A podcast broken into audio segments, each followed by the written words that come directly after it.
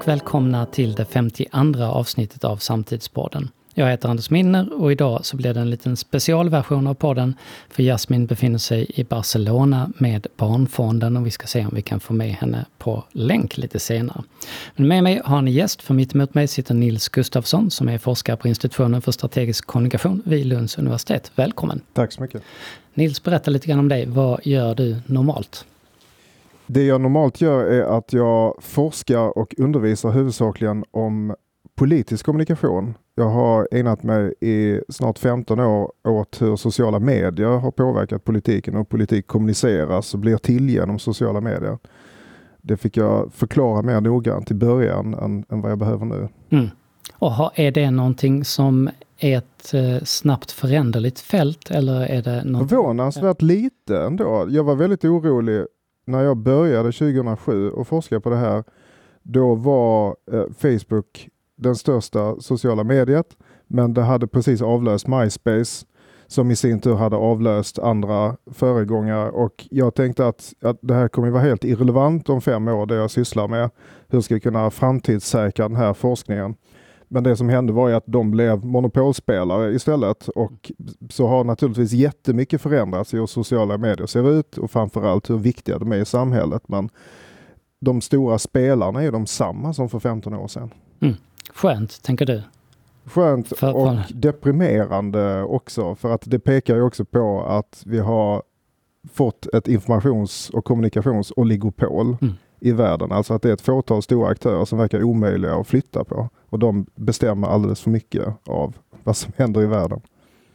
Vi har en eh, notansökan som den skickas in eh, idag, nu när vi sitter här och pratar och det är onsdag.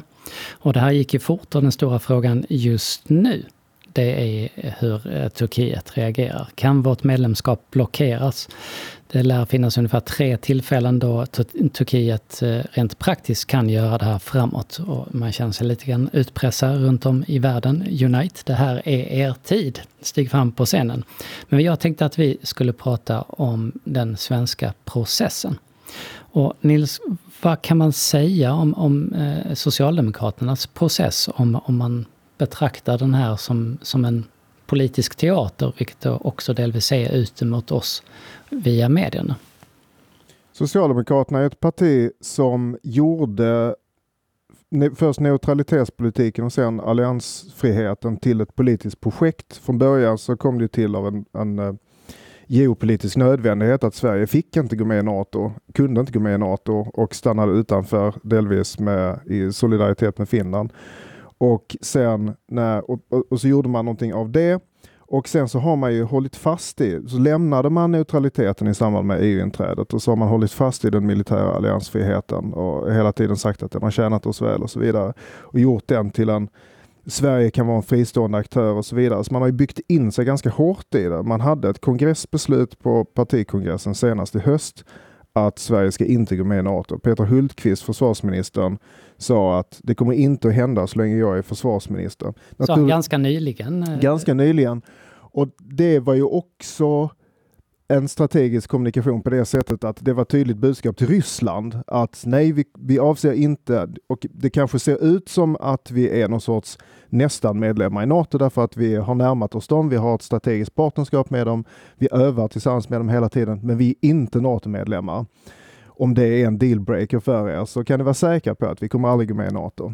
Eh, och sen så, så blev det plötsligt så att man kände att man var tvungen att gå med i NATO. Mm. Socialdemokraterna är ju också ett pragmatiskt parti och därför så har man försökt hantera det här att man dels har byggt in sig i en alliansfri position väldigt hårt, surrat fast sig vid masten och samtidigt inser man att okej, okay, men nu ska vi tydligen gå med i NATO. Hur kommunicerar vi det här internt och externt? Och där i det läget så känns det ju när man betraktar utifrån att man ser, inser mm. att vi måste gå med. Hur ska vi göra detta utåt? Eh, då har man någon slags process där man säger att ja, men nu, ska vi, nu ska vi eh, bestämma oss här och det har vi inte gjort än. Så att vi har en process där vi tar fram en rapport och sen ska vi titta på den och prata. Eh, under tiden så ska helst ingen säga någonting om det och sen efter ett tag så kommer de här gamla uvarna fram och säger att nu har vi ändrat oss. som av en slump så dyker alla upp samtidigt, vilket ju såklart är en signal till, till gräsrötterna vad som, är, vad som är på gång. Eh, och sen kommer man då fram till beslutet att vi ska vara, vara med. Hade det här varit nödvändigt idag, 2022, att jo. göra den sortens spel som det handlar om? Det tror jag, därför att självklart är det ett spel, men det är inte... Eller självklart och självklart. Det, det är lätt att tro att allt är ett spel för gallerierna. Men eh, ofta är det ju eh, djupt kända behov som, som gör att man, man gör på ett visst sätt. Socialdemokraterna hade ju som sagt ett kongressbeslut på det här. Och man vet att opinionen i partiet har varit delad. En del har svängt över till förmån för ett NATO-medlemskap redan tidigare, men det är fortfarande många som är väldigt negativa till det. Eh, och då måste det här hanteras på något sätt. Och det är inte ett... Det handlar inte... Alltså till viss del handlar det om kommunikation utåt, men framförallt så handlar det om kommunikation inåt. Att lyckas få en så bred rörelse med så många fraktioner och delar i sig som det socialdemokratiska partiet är, att, att kunna röra sig från en position till en annan utan att man går i sönder. Och sen är det klart att man gynnas av att man sitter i regering, man gynnas av att det finns ett, ett hårt yttre tryck så att folk förstår att det kan finnas anledning att göra så här. Men man måste på något sätt hantera och respekt, på något sätt visa respekt för alla som tycker det här är en jättedålig idé. Och då har man gjort det, alltså ett, ett sätt som man har gjort tidigare är någonting som de kallar för rådslag. Som man har i olika frågor och den här gången så hade man en dialog mm. som efter vad jag har hört var mest att man informerade om varför partiet måste göra det här. Det var ju aldrig tänkt att det skulle vara helt öppet uppe i luften, att vad som helst kan hända, utan det stod ju klart ganska tydligt att det här kommer sluta i ett ja till NATO. Jag bara tänker om man hade översatt partiet till ett företag eller till en familj eller något liknande så hade ett sånt här tillvägagångssätt varit väldigt konstigt. Hade vi i vårt företag ställts inför vi måste göra någonting helt annorlunda. Eh, cheferna hade på något sätt mot eh, kollegorna låtsats som att det var ett beslut som inte var fattat än, men riktningen var ändå tydlig. Det, var, det, det, är ingen som hade eh, köpt det. Varför fungerar sånt här i en, i en, i en partistruktur? En demokratisk organisation. Det är något helt annat än ett företag. Eh, man kan också delvis jämföra det med en organisation som den jag själv tillhör, Lunds universitet, där det, det är ju inte alls en demokratisk organisation, men det finns, det finns delar av den som är demokratiska. Men hade man skiftat från en extremposition till en annan så hade man varit tvungen att förankra det på något sätt med dialoger. Det är mycket möjligt att det hade eh, bara kunnat gå på ett sätt men man måste fortfarande respektera människors olika mm. åsikter och hantera dem på något sätt. Det, det funkar inte att, att uh, partiordföranden eller partisekreteraren bara går ut och säger ja men nu sa vi det här igår men nu är det annorlunda. Men man kan väl säga som Sanna Marin sa i, i Finland, jag har bestämt mig men jag berättar inte det förrän, förrän processen har kommit till slut.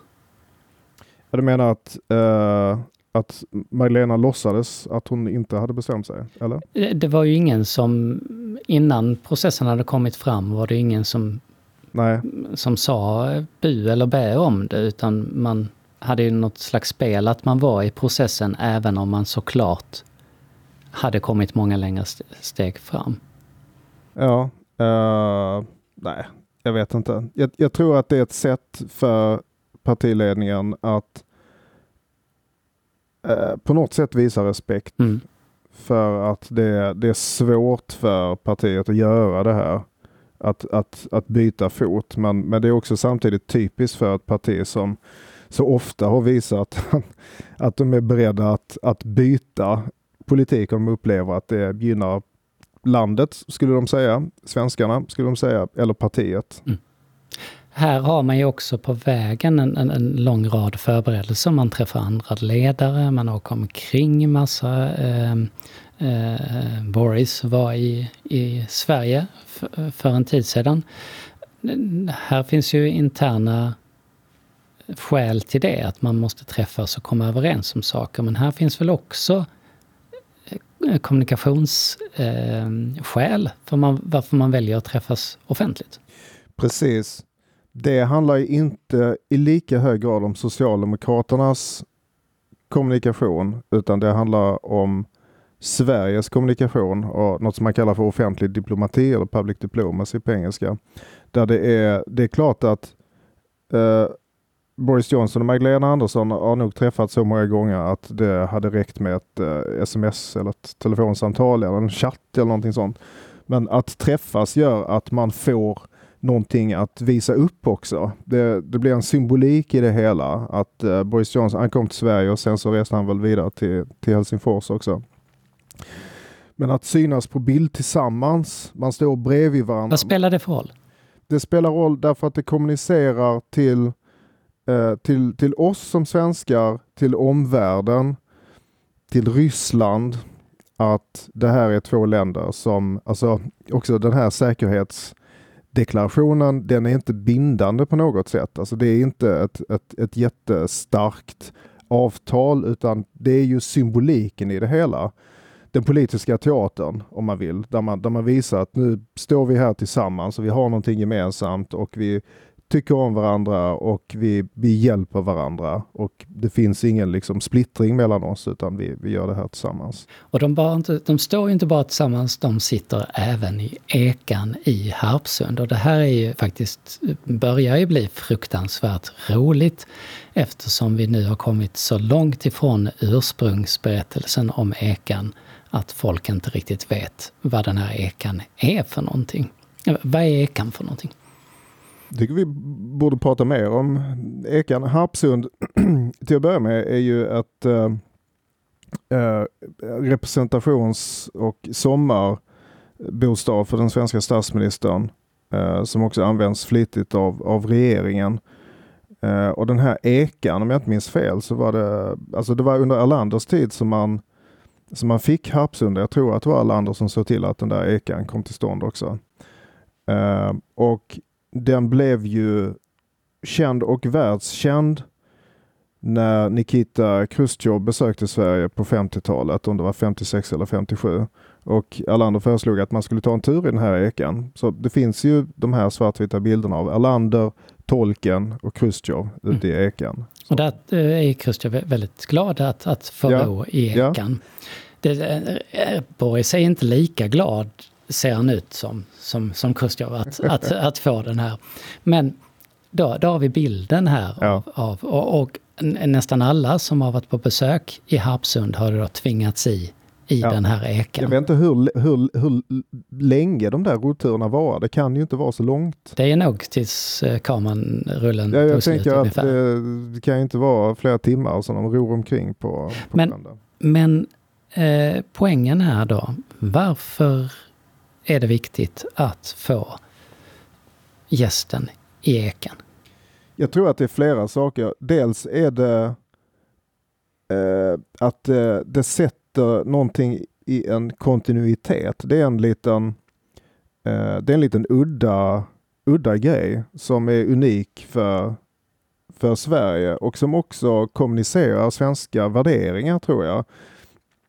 Eh, det, är, det är många som kan relatera att sitta i en eka på sitt sommarställe. Och det är någonting som är väldigt icke mycket i de här politiska besöken utlandsbesöken, när man tar emot främmande stats och regeringschefer, det blir ju väldigt eh, eh, lite styltigt kanske. Mm. Lite, lite officiöst och lite sådär. Det, det är flaggor och talarstolar och... Men säger det någonting om att det här är Sverige? Det här är vad vi vill vara en sjö, en eka, ja, precis. Vi sitter, fred och frid och Vi sitter ro, i den här liksom. båten och chillar lite och det är någonting mm. som är relaterbart och det visar också på närheten mellan de här två personerna. Att mm. sitta i en eka, man gör någonting tillsammans.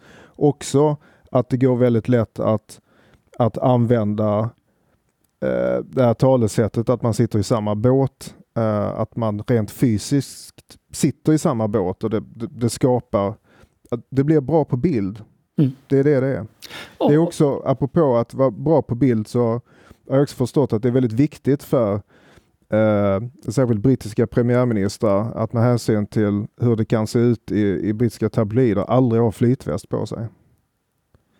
Just Magdalena det, eftersom Andersson, det är då en, eh, någonting som kan användas bildmässigt mot en. Precis, det är samma som eh, eh, såg en bild på eh, Angela Merkel för några år sedan där hon står på något tyskt krigsfartyg. De, de, de, de skjuter en kanon och bredvid henne står en, en en, en, tysk marinofficer som håller fingrarna i öronen därför att det låter jättemycket. Man kan skada sina trumhinnor. Mm. Det gör inte Angela Merkel. Därför att hon vill absolut inte ha en bild av sig själv där hon håller fingrarna i öronen och försöker stänga ut så att det kan använda metaforiskt. Det är mycket att, tänka på när man är politiker idag. Ja. Men, men den här bilden, det, det, som jag sa i början är, är roligt, är ju att vi har kommit så långt ifrån ursprunget att folk idag inte har en aning om varför sitter en båt. Och vi såg sådana reaktioner också på Twitter när den här bilden kom, kom ut. Ja precis, svenska, svenska konton i utlandet, om det var Sverige i EU eller något av de där Twitterkontona, eh, twittrade glatt ut eh, bilden. För att eh, från ett svenskt perspektiv så tycker man att det här är skitbra content. För en internationell publik så är det bara obegripligt. Varför sitter de i en båt? Vart är eh, de på väg? Vart ska de? Var är de på väg? Varför ror Boris? Ja, och de, och de, eh, det, ja, det är alltid gästen som ror. Men de förklarade inte detta, men då kunde istället då olika svenska besserwissrar förklara det eh, till de frågvisa i, i kommentarerna eh, till den här tweeten då. Eh, så fick de någonting och så kunde de posta bilder på Kustjov och Erlander i Ekan också. Och vi har lite grann av den här typen av politiska ritualer eh, kvar på andra, kanske inte så mycket i Sverige. När vi pratade innan så nämnde du eh, budgetpromenaden. Där man eh, förr gick med skottkärror och liknande när det var uttryckt på papper. Jag kommer, ihåg, jag kommer inte ihåg vem det var som var först med att, att bära eh, en cd-rom-skiva. Jo, det där, alltså det där har ändrats väldigt mycket. Från början, eller före Innan vi fick den nya regeringsformen 75 så hade vi en äldre ordning där det var kungen som öppnade riksdagen och läste upp regeringsdeklarationen och då lämnar man fram den så kallade statsverkspropositionen i samband med det. Och sen så efter att man gjorde om allt det där och hade en helt annan form för öppnandet av, av, av riksdagen så gjorde man om eh, hur man lämnade in budgeten också. Då börjar den här, så den här traditionen är inte äldre än, än, äh, än eh, några decennier då, att finansministern går med budgetpropositionen. Och det här med eh, cd-rom-skivan, det känns som att det kanske kan ha varit Per Nuder mm. eh, eller någon av hans närmaste företrädare som gjorde det. Och så var det någon som gick med ett, en USB-sticka med, eh, för att också visa på Sverige som digitaliseringens högborg och, och så vidare. Men det blev också fånigt mm. till slut. Och det blir inte alls lika bra bildcontent som att, att, att någon bär en, en, en trave med, med papper. Så nu har man ju gått tillbaka till att, eh, att, att, att bära papper istället för att det ser bättre ut med det här blågula bandet runt. Vi får också lite nya traditioner. Vi tänker på, på eh, sociala medier och så vidare. Nu är vi mitt inne i en valrörelse. Eh, de stora inflytelserika kontona på Youtube och liknande där är man ju gärna med som toppolitiker nu. Eh, och vi såg till exempel även under pandemin hur viktigt det kunde vara att vara med i Therese Lindgrens kanaler till exempel, när man har något viktigt att berätta för svenska folket. Hur ser du framåt nu i valrörelsen att de här aktörerna, de stora influencerkontona, vilken roll kommer de att spela för oss? De kommer att spela den rollen som det finns, det finns en ganska bred palett av olika kanaler och sammanhang som man använder sig av. Alltså det man använder sig av är ju alla till buds stående medel för att nå ut naturligtvis.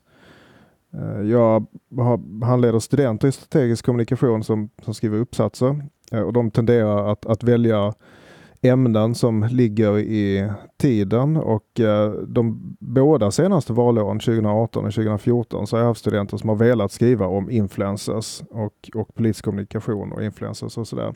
Men de två senaste valen så var det inte så mycket av den varan. Jag tror att det, det dels var för att man tänkte sig att Att precis som man kan köpa, alltså att man på något sätt skulle köpa influencers. Och det var problematiskt för dem. Eh, så det kunde de inte riktigt göra. Och nu verkar det som att man eh, influencers istället eh, inte knyter upp sig mot ett parti utan att man, man har med lite olika politiker som får synas i intervjuserier eller den typen av sammanhang. Men det är ju inte någonting annat än en talkshow. Det är bara en ny, en, en ny plattform, en ny, en, en, ny kanal. Men, men det är samma sak som de har gjort i, i decennier, att de försöker synas där folk tittar. Mm. Och förvånans, eller inte förvånansvärt, kanske tvärtom så får man ju också kanske det politiska samtalet som många egentligen vill ha, som är lite lugnare och där man får, kan för, förklara ståndpunkter lite mer mm. ideologiskt för att man kommer inte att bli nedskjuten med massa mm. checkfrågor som är gillrade fällor egentligen. Mm. Utan det blir ett, ett, ett, samtal som man absolut inte ser om man ser SVT till exempel. Ja. Nej, en SVT Agenda partiledardebatt är ju många som tycker är helt outhärdligt. Mm. Att de får prata i tio sekunder och sen blir de avbrutna. Och de har inte någon möjlighet. Alltså, det är också så att folk säger i alla fall, det är, det är väldigt vanligt uttryckt åsikt att man tycker inte om när de bråkar hela tiden utan man tycker det är mysigt när de, när de är snälla mot varandra och sådär. Eh, och det är ju lättare att vara i den här sortens sammanhang. Sen, få riksdagsdebatter är så trevliga som när någon av partiledarna slutar och de ska ge varandra presenter och säga snälla saker om varandra. Då är det ju extremt trevligt. Ja. Men, men du, jag tänker på att, att eh, partierna och dess företrädare är ju också flitiga användare av sociala medier själva. Vi har sett en explosion av användandet och vi har också, på tal om att vara snälla och trevliga, sett en helt annan sida av av väldigt många människor där man, där man är eh, ett Twitter-troll rakt ut. Mm. Hur påverkar, eller börja så här, hur ser användandet ut här? För det här gör man själv. Det, man, man har inga, oftast inga eh, Nej, alltså, staber av människor som hjälper en. Jag kommer ihåg, för åtta år sedan så, var, så pratade jag med en, en uh, amerikansk forskare som studerar hur politiker använder Facebook i det fallet och så, så försökte jag förklara hur svenska politiker använder Facebook. Hon förstod liksom inte. Jag visade någon bild av, jag tror det var Ylva Johansson som hade fotat eh, vilka snacks eh, som, eh, som hon skulle ha till Melodifestivalen och eh, hon kunde liksom inte ta in vad är det här för någonting? För att i, i hennes värld när hon tittar på Eh, amerikanska nationella politiker så har ju de en liten stab av människor som självklart sköter de här sociala mediekontona. Politikern själv är, är i begränsad omfattning kanske kan ha synpunkter på vad det är som ska läggas ut och sådär men, men annars är det en helt annan typ av kommunikation. I Sverige så har på sin höjd partiledning eh, och, och eh, ministrar och så vidare, de kan ju ha hjälp med kommunikationen men inte tillräckligt mycket hjälp. Så mycket av det som politiker lägger ut sociala medier är ju de själva som lägger mm. ut och har, har egentligen alltid varit. Och det har varit så att vissa har känt sig bekväma i ett visst format och vissa älskar att lägga ut Insta-stories um, av, av sig själv och andra uh, tycker om att käfta med folk på Twitter och då så blir det det de gör. Mm. Och uh, det gynnar dem säkert på ett eller annat sätt men, men det kan inte enskilt hjälpa eller skälpa en, en politiker eller ett parti. Men det intressanta tycker jag är om huruvida det här påverkar en. För att om man är inne mm. i en kultur och det är ens vardag, eh, så är det ju rimligt att den, att den förändrar en. Mm. För alla våra kulturer påverkar oss. Ser vi den här förändringen, det vill säga att vilken kultur du verkar och diskuterar din politik i, också faktiskt får en påverkan på politiken i sig? Jag intervjuade svenska riksdagsledamöter, ganska många av dem, för ungefär tio år sedan om hur de använder sociala medier och hur de såg på det. Och en vanligt uttryckt farhåga på den tiden var att det finns två sorters riksdagsledamöter. två sorters politiker generellt kanske. Där en är en sort är fantastiska kommunikatörer. De, eh, de gör sig bra i tv. De, eh, de, de pratar i one-liners. De kan prata så folk förstår. Den andra sorten är de som förstår hur man tar fram lagstiftning. De som har djupa ämneskunskaper men som kanske inte är strålande kommunikatörer. Och då minns jag att det var många som var rädda för att det kanske inte finns något utrymme kvar för den politikern som, som, som inte ser bra ut på bild eller som kan prata i, i one-liners men som har djupa ämneskunskaper. Jag har inte gjort någon uppföljning på det där och inte tittat särskilt noggrant på det men det är klart att eh, i alla fall för de som, som jobbar aktivt med det här och särskilt för partiledningarna så, har, så försöker man ju formulera sig också i riksdagsdebatterna på ett sätt som gör att man kan klippa ut fem sekunder mm. och lägga ut på TikTok eller på Instagram. Så att det ska se bra ut och det ska låta bra i det korta formatet. Och att det långa formatet inte riktigt får plats. Och det är klart att det kan påverka på det sättet att man försöker hitta spetsigare formuleringar, förenkla mer och att det inte finns samma plats för nyanser längre. Och sen så hoppas man ju någonstans att nyanserna får ta plats bortom de sociala medierna. Men, eh, Men är det ett strategiskt val, tror du man gör inom partierna också? Att man låter, vill ha en viss mängd av de här människorna som rör sig på plattformarna och att det är deras uppdrag? Och är det någon konflikt inom partierna mellan de här två grupperna? Jo men det, det är klart att det blir konflikter. Ta till exempel Moderaternas alla, alla partier har folk som älskar att sticka ut i sociala medier. Moderaterna och Hanif Bali är väl ett exempel där han inte är särskilt centralt placerat i den moderata partiorganisationen men han har en massa följare. Nu så blir det väl så att han inte kommer sitta i nästa riksdag för att till slut så, så blir det för jobbigt för dem eh, eh, att ha honom med. Men det är klart att de har ju, man får göra en avvägning mellan att man, man har företrädare som kan få ut sin, eh, få ut förhoppningsvis partiets politik och skapa entusiasm och uppmärksamhet. Men Samtidigt så, så har man ju också ett problem med att det där går inte att planera riktigt. Det går inte att styra riktigt och det är möjligt att de här enskilda politikerna blir för förälskade i sin egen position och inte tänker på partiets bästa. Och den, den minut, den sekund som ett parti tänker att de inte längre har nytta av en företrädare så slänger man ut den personen.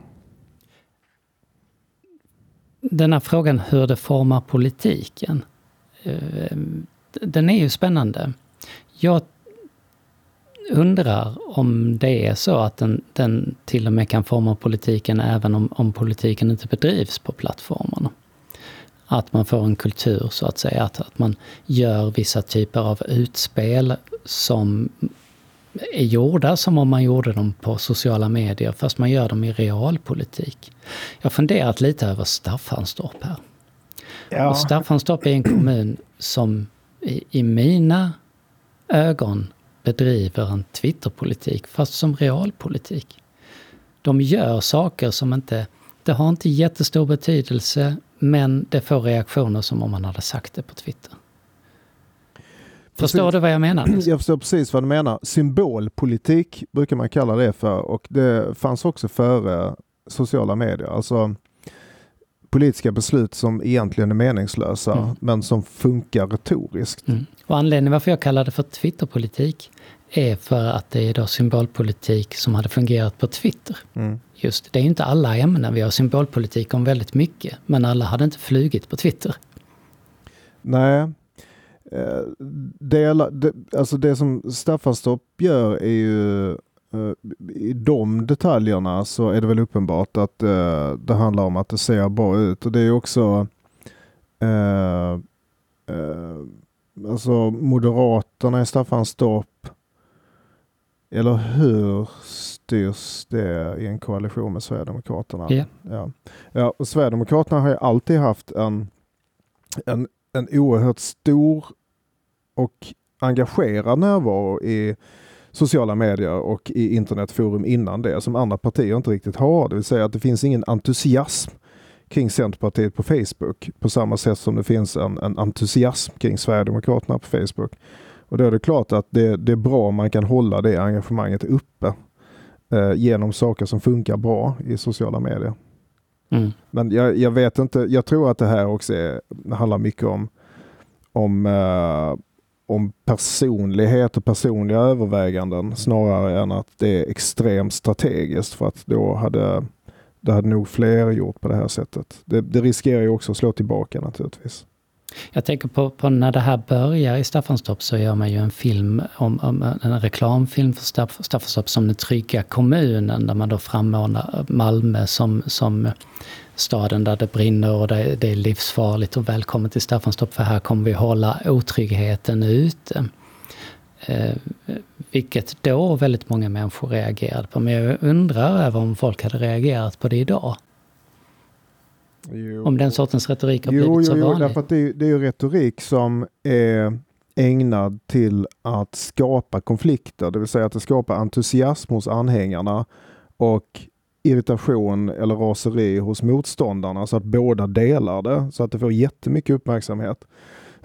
så på det sättet så, så tror jag att det hade funkat alldeles utmärkt. Sen så just formen kanske, eh, det politiska stämningsläget förändras ju snabbt i Sverige så att det kanske inte hade hänt på exakt samma sätt. Men... Tror du att vi någon gång kommer lära oss att det, här, det är så det fungerar? För vi, det verkar som att vi inte fattar det. År efter år fortsätter det. Paludan åker omkring och bränner koraner. Ja. Eh, vilket han aldrig hade gjort om det inte hade blivit uppståndelse. Om bara folk är tysta, struntar i dem, så eh, spricker trollen i solskenet, eller i tystnaden. Tror du att vi kommer lära oss detta eller kommer vi fortsätta vara, vi, vi blir ju nyttiga idioter som människor. Och utnyttjas på grund av att vi reagerar. Jag tror inte att vi kan lära oss att inte känna känslor. Och det sociala medier gör, det som blir stort i sociala medier är ofta det som, som skapar starka känslor. Och eftersom det går så fort mellan, mellan intryck och reaktion, också en reaktion i form av att man, man gillar eller delar eller skriver någonting eller sådär. Så, eller för all del springer ut på gatan och eh, eh blir, blir arg tillsammans med andra. Så tror jag inte att, att det egentligen kommer att förändras. Därför att det är också någonting som vi har sett innan fast med andra medietyper. Att det som, det som skapar starka känslor, det funkar väldigt bra. Sen är det klart att man kan försöka tänka på vad det är man gör när man konsumerar medier och försöka reflektera över de känslor man känner och också känna igen strategier. Men det är ju också så att folk känner känslor av strategiska skäl också. Mm. Det är lite vad man är lite vad man är ute efter när man, när man gör någonting och eh, reaktionerna på Paludan är också strategiska. Mm. De, de syftar också till att, till att skapa, skapa känslor. All, allting som har hänt i spåren av Paludans koran, alltså det, båda sidor tjänar ju mm. på något sätt på den här uppståndelsen.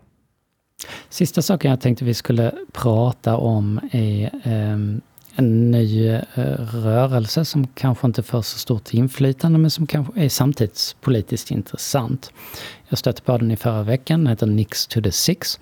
Om jag förstår saken rätt så är det ett paraply, en paraplyorganisation som då eh, har registrerat sig som parti. Man kan rösta på den och de försöker samla upp alla eh, uppblossande rörelser som protesterar mot någonting som de etablerade partierna eh, motar i grind. Bensinupproret, den här typen av, av, av saker. Här finns då en tanke att vi ska rösta på ett sånt här parti och att man då har ett direktinflytande som blir större än vad man hade haft annars. För, för inom en sån här rörelse som bensinupproret så fördelar man ju sig röstmässigt på de etablerade partierna. Men här kan man då rösta på detta parti och de förbinder sig då att rösta så som medlemmarna röstar i interna omröstningar. Så att eh, jag har röstat, man får in folk i riksdagen, så sitter jag vid min dator och så knappar jag in i omröstningen och då förbinder de sig att rösta exakt så som medlemmarna har röstat när det är i riksdagen. Nils, vad är det här ett uttryck för? Det är ett uttryck för klassisk populism och en eh, oförståelse, kanske en icke-acceptans för representativ demokrati som ju funkar på ett helt annat sätt. Att man eh, utser riksdagsledamöter som sen efter eget skön röstar på, eh, på förslag. Det är den här tanken om direktdemokrati som har mycket gamla rötter. Det dras ofta paralleller till hur det funkade i Aten där alla fria män fick, uh, fick rösta um, och uh, lotta ut om det var någon de inte gillade så kunde de uh, landsförvisa en, en person och expropriera hans egendom och sådär. Det är många som hade velat det idag också. Ja precis. Vi gör det inte därför att vi har kommit på att det finns bättre sätt att sköta ett land på. Men den här tanken den kommer tillbaka om och om igen och in, inte minst i i förbindelse med utopistiska idéer om hur internet, kommunikation på internet, digital kommunikation skulle kunna ersätta mer tungrodda organisationsstrukturer. Eh, en tidigt uppflammande internetutopism kom ju på 90-talet där man också tänkte att det behövs inga, det behövs inga regeringar, det behövs inga parlament utan alla, det är jättelätt för alla att bara rösta på rösta på alla förslag. Eh, och sen också när, när eh, sociala medier blev stora på 00-talet så, så var det samma typ av, av populism. Och den här har liksom, det har funnits partier som har hetat Direktdemokraterna och sånt där. Så att det är någonting av en konstant och anledningen till att det inte funkar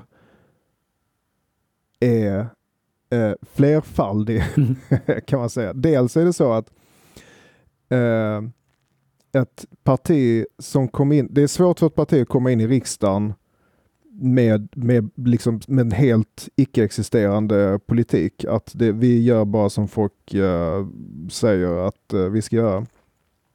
Om ett sådant parti hade kommit in i riksdagen så hade det partiet inte haft något inflytande eftersom det inte går att förhandla med ett parti som inte har några ståndpunkter eh, och som aldrig kan leverera några röster. Utan... Då måste man ju rösta om förhandlingarna. Ja, precis. Eh, då man röstar om förhandlingarna.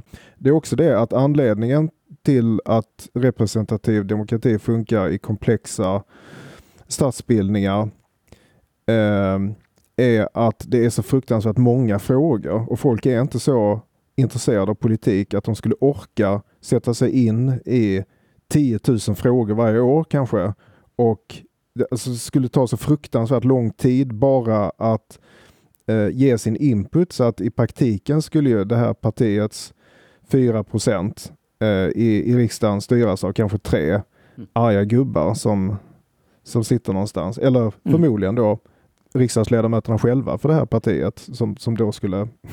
Men, men du, eh, om det då är en konstant dyker upp eh, från och till, hade ett större mått av folkomröstningar lokalt och nationellt eh, påverkat detta? Alltså hade det uppfyllt ett behov som, som folk tycker sig se? Min ståndpunkt är att man kan lätt få för sig att folkomröstningar är mer demokratiska än allmänna val. Men jag menar att förhåller sig precis tvärtom. Hur då? de länder som har många folkomröstningar, Schweiz till exempel, de är också oerhört eh, eh, konservativa eh, på det sättet att det är svårt att sätta sig in i komplexa frågor. Mm. Vilket gör att det naturliga är ju att eh, antingen inte rösta alls och då har du kanske en, en hälften av väljarna eller en fjärdedel av väljarna som får bestämma åt alla andra vad det är som händer. Eller bevara som det.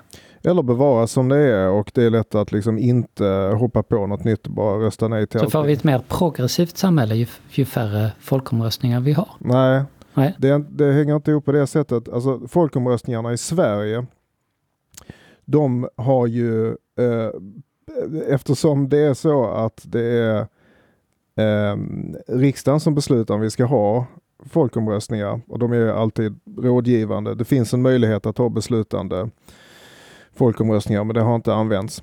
När vi får folkomröstningar är det för att partierna har strategiskt skäl. Antingen för att de internt är splittrade och inte vill ta i frågan eller för att de är, alltså man utlyser inte en folkomröstning om man inte tror att man kommer att vinna den mm. eller vinna på den. och sen så kan man också, de som röstade om kärnkraften 1980, är det de som fortfarande bestämmer? De är döda väldigt många av mm. dem. Uh, så så, så man, man landar i en mängd olika problem. Sen är det klart att det är svårt att, det, det är väldigt lätt att argumentera för att det självklart är mer demokratiskt med en folkomröstning. För att de där, de där politikerna, de, de, de kan ju hitta på saker som kanske inte alls har något stöd i, i eh, folkflertalet. Men man landar också i en mängd, vilka är det som formulerar frågorna? Mm. Vilka är det som som... Men alla frågor är väl heller inte komplexa? Alltså på en lokal nivå finns det väl en rad frågor som inte är så jättekomplexa egentligen. Alltså, ska vi ha parkering på torget eller ska vi bygga ett högt hus här? Eller? Ja precis, och det kan man ju ha. Det finns ju kommunala folkomröstningar också. Sen är det väl så att parkering på torget, så säger man nej till parkering på torget. Eh, för det vill inte folket ha och ja, var ska bilarna vara då? Och så, får någon, och så får politikerna fortfarande lösa var de andra parkeringarna ska vara. Eller förbjuda bilar i innerstan. Eller alltså mm. ett politiskt beslut är kopplade till en mängd andra politiska beslut och när man skiljer ut ett politiskt beslut och lämnar över till medborgarna så är det aldrig liksom, det skapar ju andra följdverkningar som sen den representativa demokratin får på ta hand om. På tror du att ett, ett, en sån här rörelse som vi pratar om nu, Nix to the Six, tror du att den eh, kan få vingar? Nej, det tror jag inte. Det har ju inte hänt tidigare att, att det har fått vingar. Sen så kan man och det har inte fått det någon annanstans i världen. Eh, men det är klart att, att önskan att utöva ett inflytande på politiska frågor Eh, kan jag tycka är lovvärt mm. naturligtvis. Mm. Jag har också en djup förståelse för att man kan tycka att okej, okay, men vi har en opinionsundersökning här. Majoriteten av de svenska väljarna tycker så här i den här frågan, men riksdagspartierna eh, vägrar ta i, ta i frågan. Eh, då måste vi hantera det på, på något sätt och det tar alldeles för lång tid att tjata på de här partierna tills de ändrar sig. Men det är samtidigt så att de här partierna vill vinna val. Så de har ju allt intresse i att exploatera folkopinioner. Eh, och om man inte tycker om partierna så kan man rösta bort dem i nästa val. Och det är också att jag, att jag tycker att allmänna val är bättre generellt än folkomröstningar. Det är klart att det kan finnas undantag. Det är klart att det kanske hade varit önskvärt att ha en folkomröstning om NATO eftersom vi hade en folkomröstning om EMU, vi hade en folkomröstning om EU, det är en jättestor fråga som kommer påverka Sverige i decennier framåt. Det fanns inte tid för Nej. det och man ville inte det av andra skäl. Men då avslutningsvis, vad tror du? Nu, nu skickas eh, de första papperna in idag, vad jag förstår. Vad tror du när det, när det gäller den politiska kommunikationen? Vad kommer vi se härifrån och framåt när det gäller NATO-frågan? För nu har vi gjort det här väldigt snabbt och vi har liksom, det är massa människor som, som känner sig halvt överkörda, överraskade, överrumplade och jaha, är vi med i NATO nu? Varför får man städa kommunikationsmässigt för att klara sig fram till valet? Vi kommer att få se en massa olika saker. Det här med bilder på stats och regeringschefer som reser runt och träffar varandra, det kommer inte ta slut. Nu har vi den här situationen med Erdogan. Eh, och vi har också frågan om hur de svenska NATO-motståndarna kommer hantera det, där Vänsterpartiet egentligen är det enda partiet som, som klart har uttryckt, Miljöpartiet i viss mån, men framförallt Vänsterpartiet har uttryckt ett, ett motstånd mot NATO och att de också vill eh, kanske kommer att ha ett intresse av att förhala det. Är man NATO-motståndare och NATO-motståndet är det viktigaste för en så finns det ju då bara ett parti att, att rösta på. Det så får vi se om, om det går att exploatera. Att Socialdemokraterna ville stöka över det här ganska snabbt i Sverige eh, hade ju eh, dels att göra med att det var bråttom, dels att man ville vara i takt med Finland, men också att man ville vrida den här frågan ur oppositionens händer i, i riksdagsvalet i höst. Så deras plan är att det inte ska vara så mycket prat om NATO, medan Vänsterpartiet kanske är intresserade av att det kommer att pratas jättemycket om NATO framöver. Vi får se hur det går. Nils, stort tack för att du var med i podden. Tack!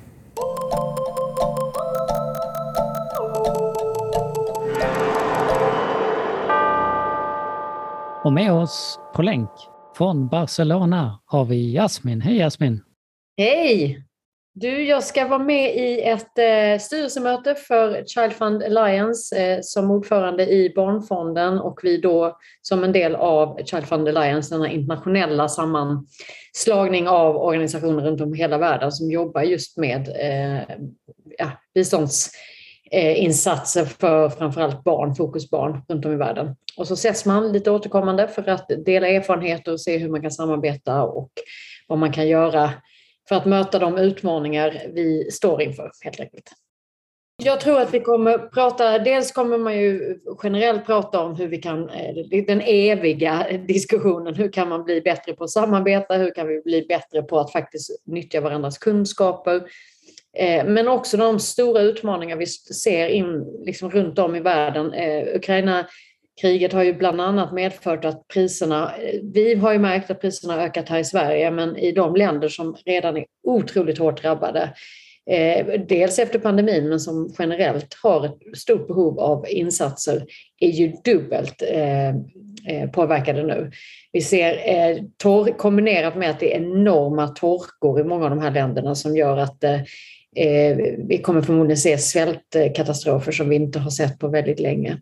Eh, och det, det är inte det vi ska så att säga, lösa, men, men vi, vi, står alla inför den typen av frågeställningar. Hur kan vi i en tid där många länder drar tillbaka sina stora biståndsinsatser för att hellre omlokalisera de här pengarna till det som händer i Ukraina. Eh, och problemet är, och jag menar verkligen att man ska lägga all kraft och Eh, pengar vad man kan på Ukraina och hjälpa eh, de som behöver hjälp. Men man kan inte samtidigt dra undan mattan för de som redan har haft det så otroligt svårt, dels under pandemin och också tidigare.